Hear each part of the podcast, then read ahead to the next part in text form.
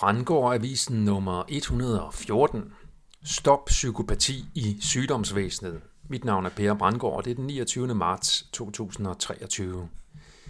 Det er psykopatisk at presse befolkningen til at tage medicin, føle frygt og leve på en måde, der fører til sygdom og være ligeglad med det.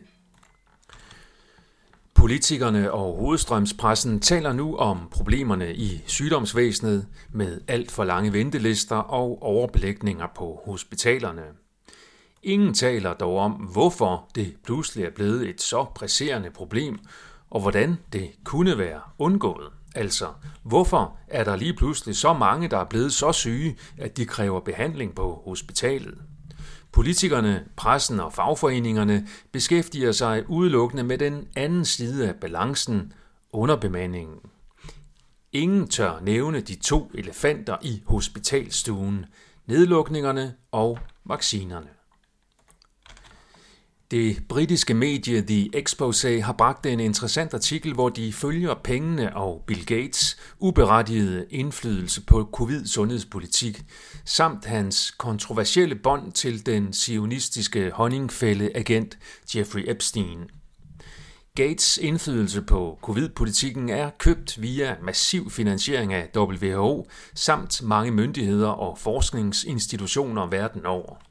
The Exposé-artiklen afslører Gates økonomiske forbindelser til både Moderna, Pfizer og BioNTech, og hvordan han har tjent massivt mange penge på salget af coronavacciner, som man med med den anden hånd har finansieret markedsføringen af via WHO, myndigheder og købte forskere.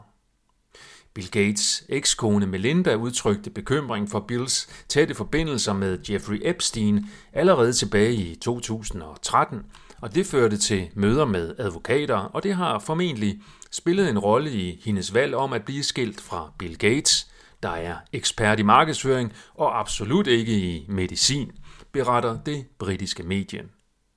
Spørgsmålet er, om Jeffrey Epstein har haft noget på Bill Gates, såsom videooptagelser af sex med mindreårige, så Gates var tvunget til at fortsætte samarbejdet med Epstein og deres fælles sionistiske projekt, eller om Bill Gates gik ind i mørket med helt åbne øjne. Jeg har lavet en afstemning på Twitter med spørgsmålet, hvem tror du ville score flest point i psykopatitesten? 61,3 procent svarede Mette Frederiksen, og 38,7 procent svarede Barbara Bertelsen. Jeg modtog dog flere klager fra folk, der efterlyste muligheden for at stemme på dem begge. Med den viden, vi har i dag om psykopati, så er det mærkeligt, at det er muligt at bestride positioner i samfundet med så stor magt, som for eksempel Mette Frederiksen og Barbara Bertelsen gør, uden at de forinden er blevet screenet for psykopati. Apropos psykopater, så skriver Weekendavisen, at Israel aldrig har været så tæt på en borgerkrig som nu. Konflikten skyldes, at Netanyahu og kompagni ønsker, at deres regering skal kunne underkende den israelske højesteret, hvorved retssystemet bliver slået helt ud af funktion. Sådan et lovforslag er psykopatisk i sin natur, og man kan derfor sige, at den spirende borgerkrig er en konflikt mellem psykopater og empater i jødernes land. Apropos borgerkrig og revolution, så er det noget nær, hvad der foregår i Frankrig i disse dage.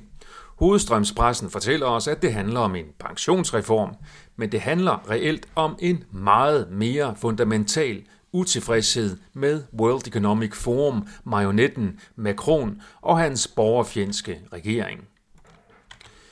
Hvis de psykopatiske magthavere formår at lære noget af historien, så bør de ryste en smule i bukserne når først franskmændene går amok i gaderne i så massivt omfang, som de gør nu. Jeg tænker her på den franske revolution, som også førte til afskaffelsen af monarkiet og indførelsen af demokrati i Danmark, simpelthen fordi den danske konge Frederik den 7.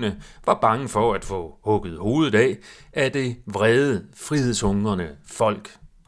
Demokratiet blev så siden afskaffet igen, men det er en anden snak.